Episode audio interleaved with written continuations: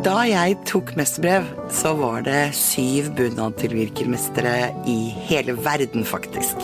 Du skal bruke en mester fordi da det er det nærmeste du kommer en forsikring mot både svart arbeid og dårlig arbeid. Finn din mester blant 70 håndverksfag på mesterbrev.no. Da er du i trygge hender. Du lytter til Ukraina-podden fra Nettavisen. Jeg heter Anders Lone Fosse, og jeg er journalist i Nettavisen.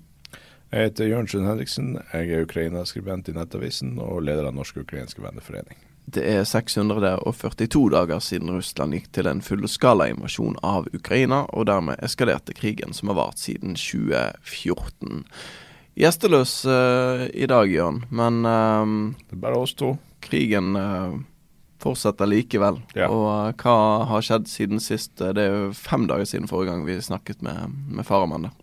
Ja, det som, som, sist så er det hovedsakelig to steder ved fronten det skjer mye. Det ene er Avdivka, og det andre er Kherson-fronten. Eh, vi kan begynne med Avdivka. Der pågår det nå angrep fra Russland på tre sider. Eh, Mahmoud forklarte jo eh, det her med, med at eh, de prøver å lukke sekken i denne lommen som Avdivka ligger. Så de angrep både nord og sør for byen i en slags knipetangsmanøver, men også i bunnen av sekken, helt sør i Avdivka.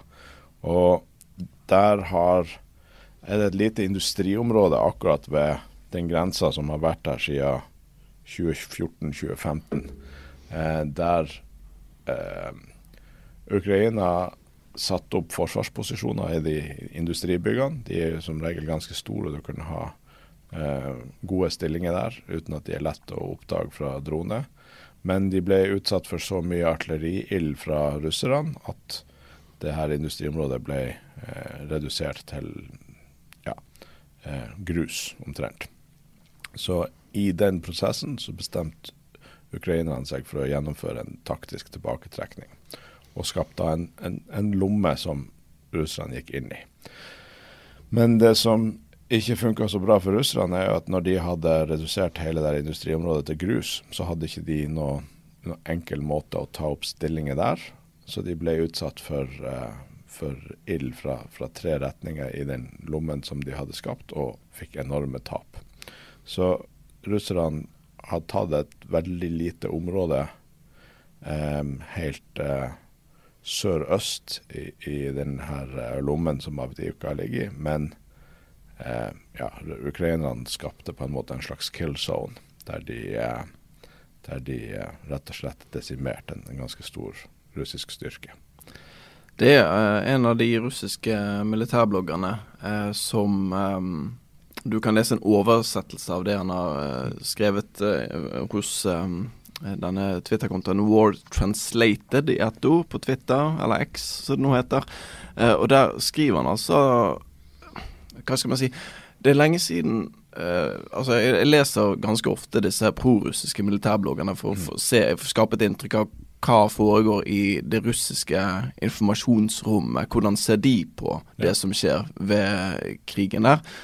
Og det er Jeg kan ikke huske å ha sett så mye sinne som uh, det som foregår nå. Mm. De, det er veldig mye mot uh, måten man angriper på i Avdivka som utløser et sinne blant uh, disse her som uh, har kontakter uh, ofte ved frontlinjen. Mm.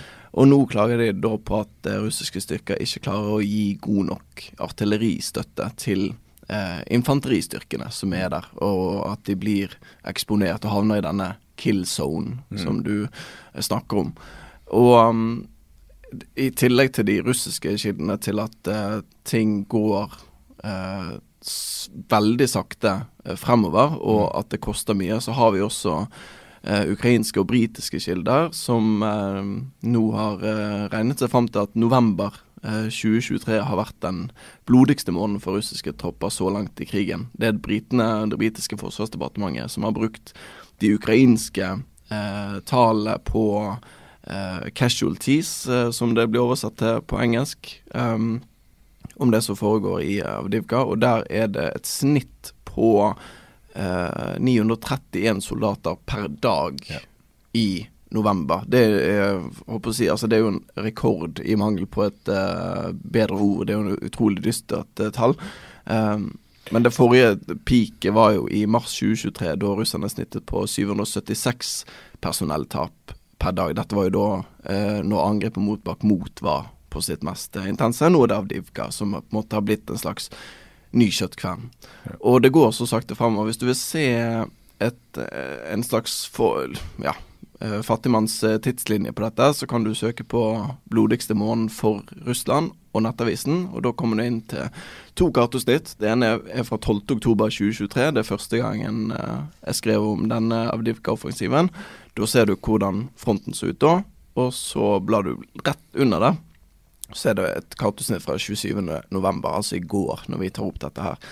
Og det er så, det er så liten framgang. I hvert fall på på, hvis man ser det på kartmessig. Og så har du snakket tidligere i en tidligere episode om at det ikke er så mye som gjenstår før eh, eh, Avdivka effektivt eller praktisk sett er omringet. For det er ikke så mange veier inn og ut eh, av den byen. Nei, det der, og det, det, er nok derfor russerne prøver så hardt. Hadde det ikke vært for at de, var, de i utgangspunktet, når de starta det her slaget, er veldig nært å tvinge ukrainerne ut, så tror jeg de hadde gitt opp nå, for at det er enorme tap.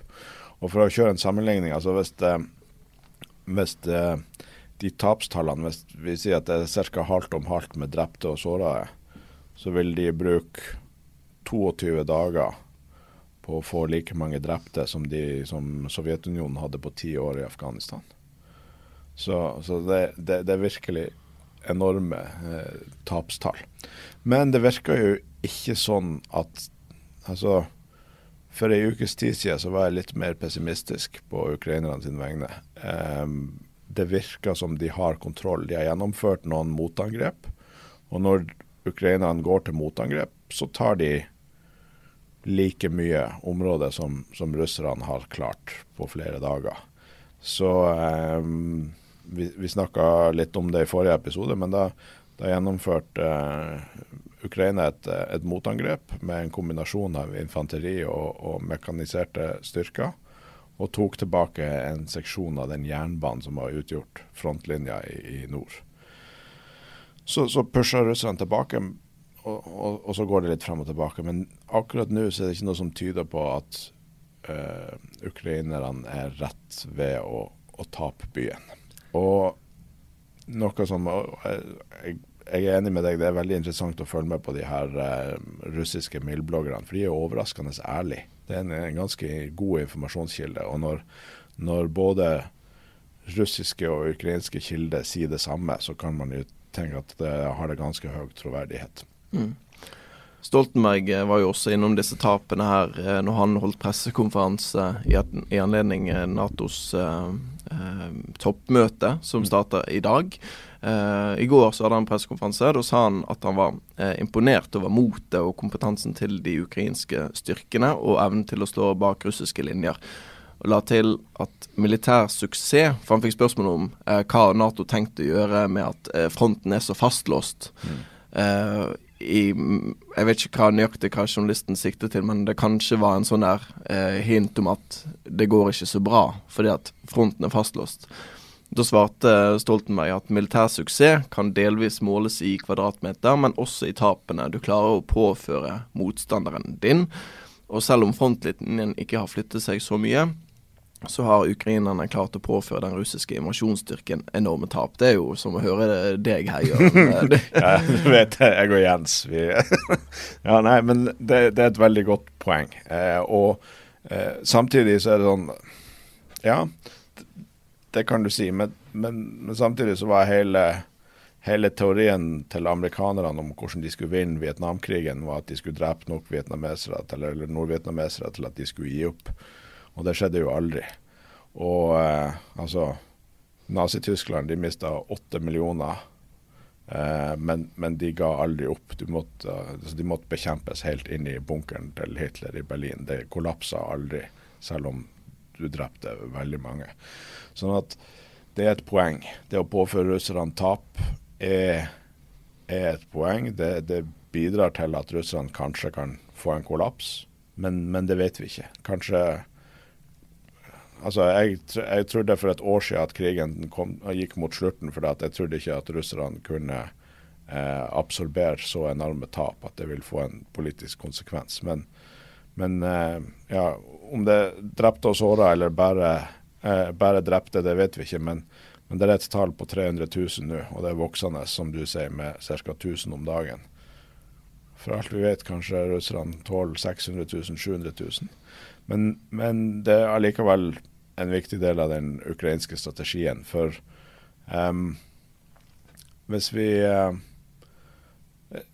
Det virker ikke som at Ukraina klarer å påføre russerne uh, et gjennombrudd militært. Altså at uh, ukrainerne bruker militær styrke for å slå gjennom fronten og bare jage de ut.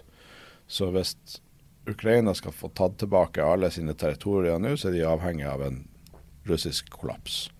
At, eh, at de, russerne ikke har vilje til å slåss lenger, masse desertering. Eh, at de vender seg mot sine egne offiserer eller noe sånt. Eller at de driver og murrer litt også enkelte plasser i Russland nå med mødre som demonstrerer, eh, eller ønsker å demonstrere mot regimet for, for at det de tar så dårlig vare på sønnene deres som er ved fronten. Så sånne ting kan jo skje. Og Ukraina jobber jo særlig på, ved Avdivka-fronten veldig systematisk for å påføre de mest mulig tap. Eh, det er også på russerne. Altså du, som du nevnte, det er få forsyningslinjer inn til Avdivka. Men det er også få veier for russerne å få inn styrker til fronten ved Avdivka. For ukrainerne har ødelagt de broene som er i området, så det er noen få asfalterte veier som går inn mot fronten. Og de har Ukraina full artillerikontroll på.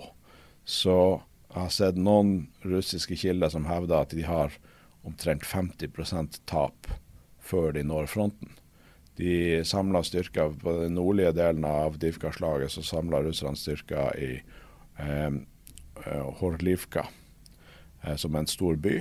Og For å få styrkene derifra til Avdivka, så må de snirkle seg langs en vei som er svingete og tar tid, der de er under ild fra artilleri, HIMARS, drone, alt mulig greier, som, som, gjør det til en svært dårlig dag for de hver gang de har tenkt å gjennomføre et angrep. Dette var jo det Mahmoud var inne på forrige gang òg, når han snakket om eh, kanaliserende lende. Yeah. Som jo jeg måtte ha eh, forklart, for det var et begrep jeg ikke kjente til. Men dette med å liksom tvinge tropper gjennom et lite område, og så yeah. konsentrere artilleriildet. Og så dro du paralleller til, til tidligere krig. Var det Vietnam du så vidt ja, nevnte? og der hadde jo, eh, der, særlig i begynnelsen av krigen, og McNamara og sånn, hadde veldig sånne utregninger om hvor eh, altså strategien deres var bare at ja, så lenge vi opprettholdt antallet At, at, at de drepte nok fiendtlige soldater, så kom de til å gi opp til slutt. Men eh, ja, Sør-Vietnam er ikke der mer, for å si det sånn. Nei, den, den svenske økonomen og ukrainerkjenneren for så vidt også, Anders Aaslund, hadde jo et meningsinnlegg i Kyiv Post eh, her i går. Eh, hvor han eh, nevnte at han dro paralleller til andre kriger, bl.a. Vietnamkrigen, der du har en sånn svær militærmakt mot en liten sånn eh, håper å si fillestat, da. Mm. Og ikke at Ukraina er en fillestat, men det er litt det samme. Sant? Du har en eh, David mot Goliat-situasjon, ja. hvor eh, det faktisk er ikke alltid så eh, negativt å være den lille staten, spesielt når målet er erobring. Um, så, så lenge For da har du også det som Mahmoud var innom forrige gang, motivasjon, kampvilje. At det spiller veldig inn. Og Anders Aalstuen er jo overbevist om at Ukraina kommer til å vinne av de hovedårsakene eh, der, da. Så har du jo Lavrov eh, i dag, som eh, raser mot Vesten. En ny eh, artikkel på Nettavisen som du også kan lese om. For han mener jo at Russland hadde ingen planer om erobring, sier han uh, i en uttalelse her. Eh, det var i forbindelse med en konferanse i Moskva hvor han eh, sier at først og fremst så advarer han mot dette med å fryse konflikten. For det er det han mener Vesten forsøker å gjøre nå. Kjøpe seg tid. At, de, at, Vesten ønsker å bevæpne naziregimet, som han kaller det for, i Kyiv. Og fortsette aggresjonen mot Russland. Og skal finne det nøyaktige sitatet her. Russland har ingen, hadde ingen og kan ikke ha noen aggressive planer eller planer om erobring, sa Lavrov på konferansen. Og en av de som bitt seg merke i denne uttalelsen, er jo han Anton Herasjenko, altså rådgiver til det ukrainske innenriksdepartementet, mm. som jo sier at Bemerker veldig tørt på Twitter her i, i ettermiddag at Fire dager før fullskalainvasjonen av Ukraina startet, så nektet russiske myndigheter for at den ville finne sted. Mm. Så det er jo en Ja. Det, jeg, ser, det, det ser det noen i kommentarfeltet som sammenligner Lavrov med komiske Ali. Jeg skal ja. ikke ta stilling til det, men uh, Jo, men det blir jo det. Og det er jo det som er Hver gang jeg kommer med en påstand om Russland som høres helt spinnvill ut, så forstår jeg jo at folk har problemer med å tro på det. Men da ber jeg de å lese sånne kommentarer sånn som det der. Altså, absurditeten i det er jo enorm. Ok, Hvis russerne ikke har noen eh, erobringsambisjoner, så, så, må de jo jobbe mer med psykisk helse i sine styrker. For de har enorme selvmordstall da, i og med at de mista 300 000 eh, mann eh, uten, uten, å drive med noe angrepskrig. Det, det, blir jo bare rett og slett for dumt. Ja, Det er noen i kommentarfeltet som skriver at det er tap så ni til én fordel eh, Russland. Altså for hver eh, russiske soldat som dør, så dør det ni ukrainske soldater. Og da er det jo, det er jo eh, merkelig at fronten ikke har flyttet seg en centimeter, da. Da hadde jo Ukraina kollapsa for lenge siden. Og det, det, er jo absolutt folk i, i Norge, ikke bare russiske nettroll, men, men uh, helt ekte mennesker som, som tror på den Eh, som, som, tar russiske informasjonskilder for god fisk, og, og tror på deres eh, deres virkelighetsforståelse. Eh, men det er klart, det er sagt, ukrainerne har store tap. De, eh, de mister folk hver eneste dag. Så er, det er jo blitt en helt klar utholdelseskrig, det her. Hvem, hvem tåler det her lengst, hvem holder ut lengst. Eh, og i og med at ukrainerne har en mindre hær, en mindre befolkning, men, men først og fremst en helt annen tilnærming til verdien av liv, så tåler jo de færre tap enn russerne gjør. De, de vil bli utslitt før russerne hvis de har like tap.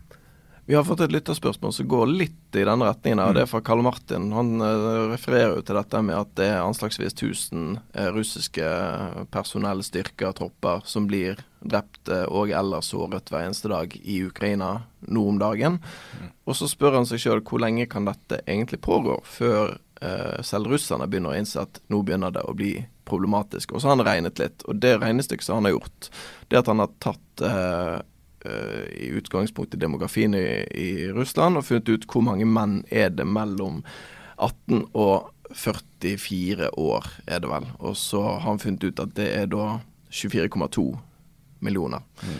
Så um, kan man jo spørre seg sjøl, er det så enkelt at uh, Russland har 24,2 millioner eh, tropper å, å, ta av?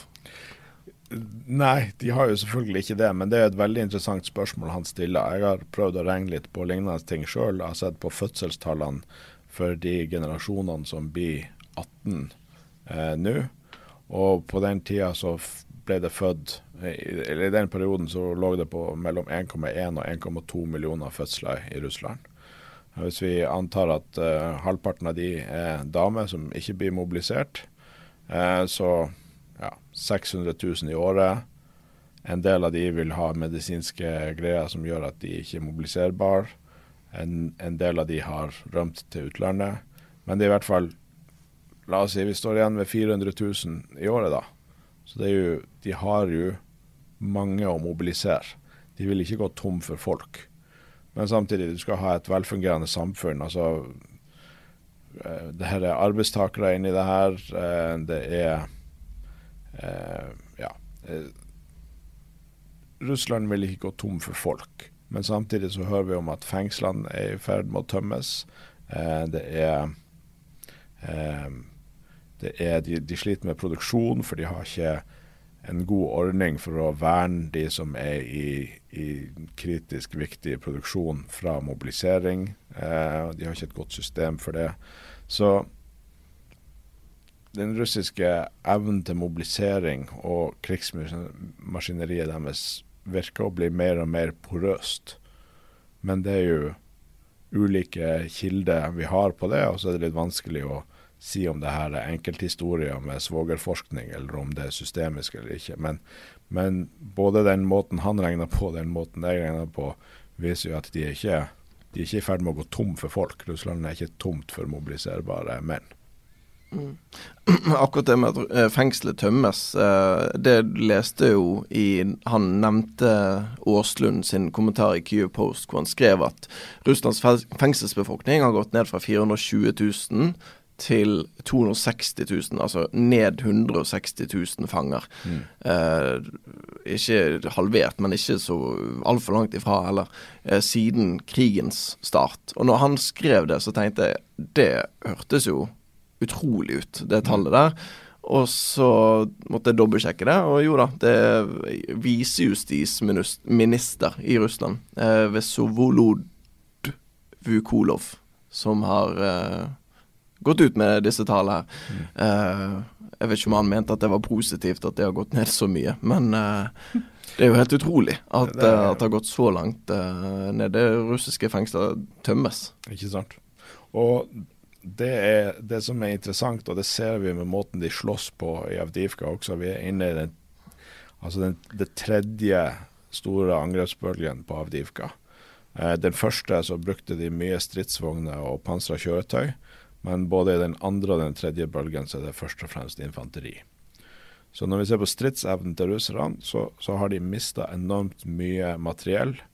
Um, vi har ikke sett mye T55-stridsvogner i kamp enda, men, men, stadig flere T62.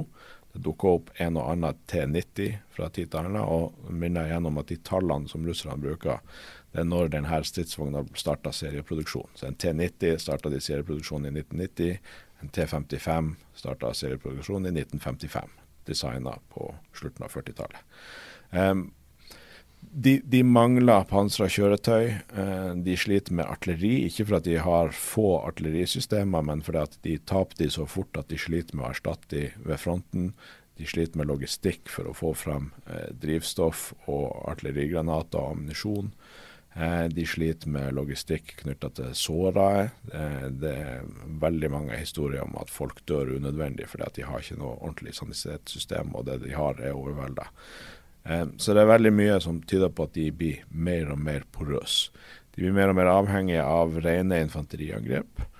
Og selv om de ikke går tom for folk, så blir jo gjennomsnittssoldaten som russerne sender mot fronten, mer og mer uerfaren og har mindre og mindre trening. Det er færre og færre overlevende igjen av de som starta krigen, som hadde en militær karriere bak seg. Det er en eh, Twitter-konto som jeg ikke husker akkurat nå hva heter, men som dokumenterer eh, dødsfall blant russiske offiserer.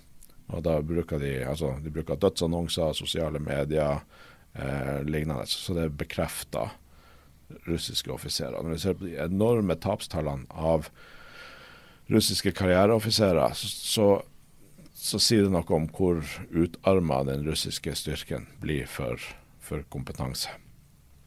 Likevel, som jeg sa litt tidligere, det kan godt være at de klarer fortsatt likevel. Altså, kanskje vi har nådd bunnivået på, på hvordan den russiske styrken vil være nå, og de vil bare mate på med flere og flere kropper og, og liksom holde stand.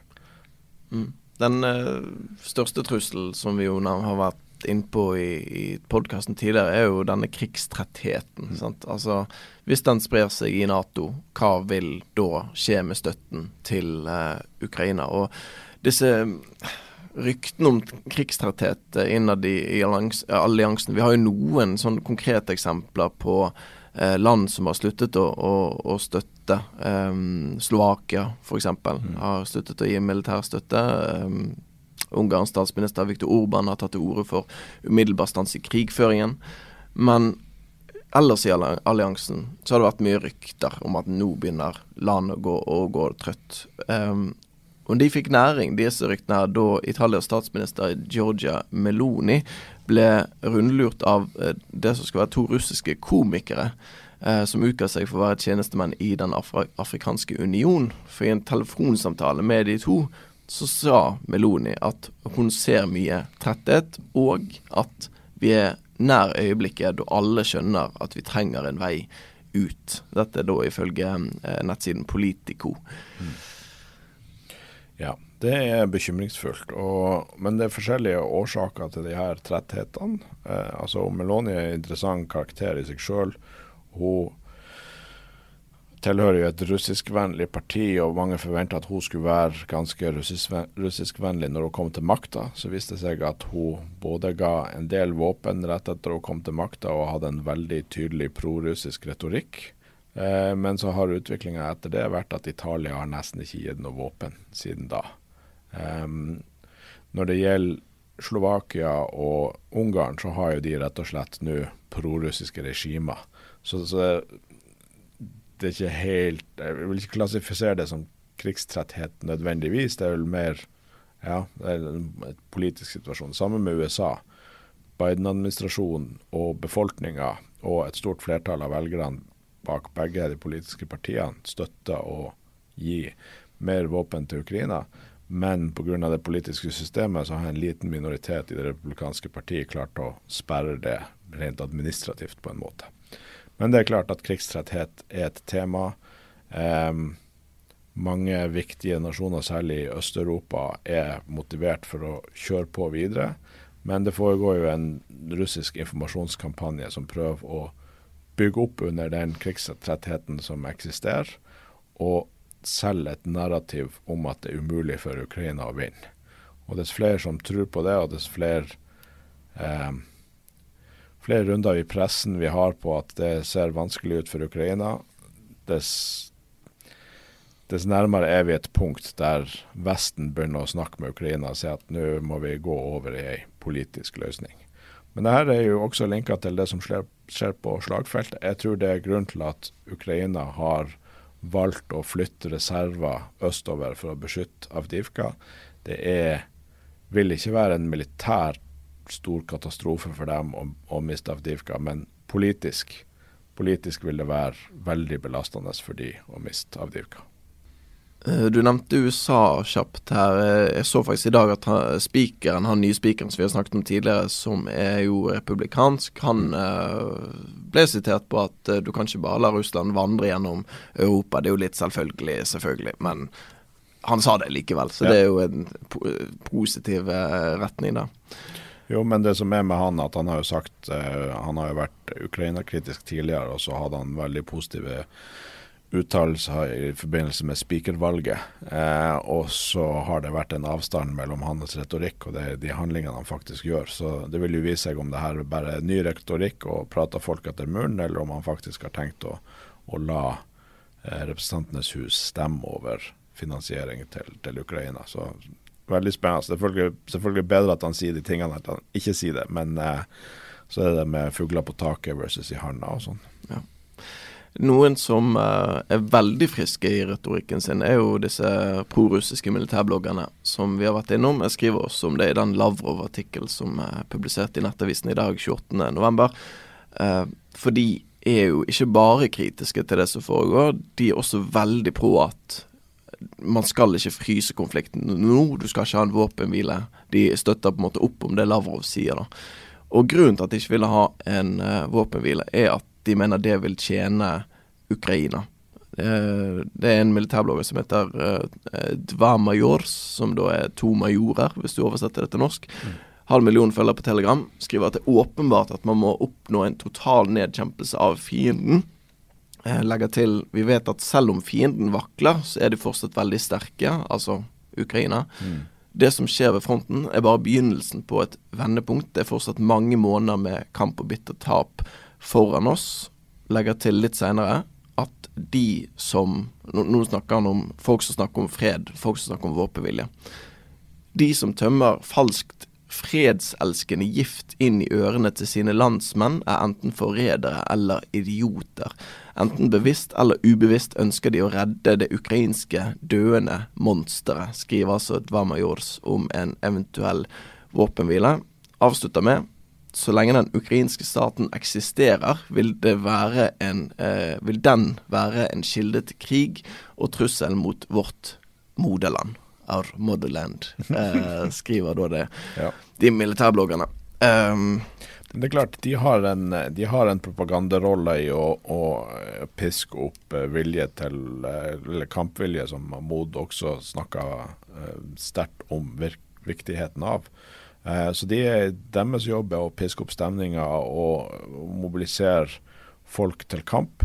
Men så ser vi at i Kreml eller blant russiske myndigheter så virker det mer som at for dem kan det passe fint med en våpenhvile nå. Og vi vet jo hvor godt vi kan stole på russerne med Minsk-avtalene og lignende. Så sannsynligvis vil jo en fredsslutning nå eh, være en utsettelse av krigen. At eh, når russerne føler seg eh, tilstrekkelig eh, styrka igjen, så, så, er de klare til å sette i gang på nytt.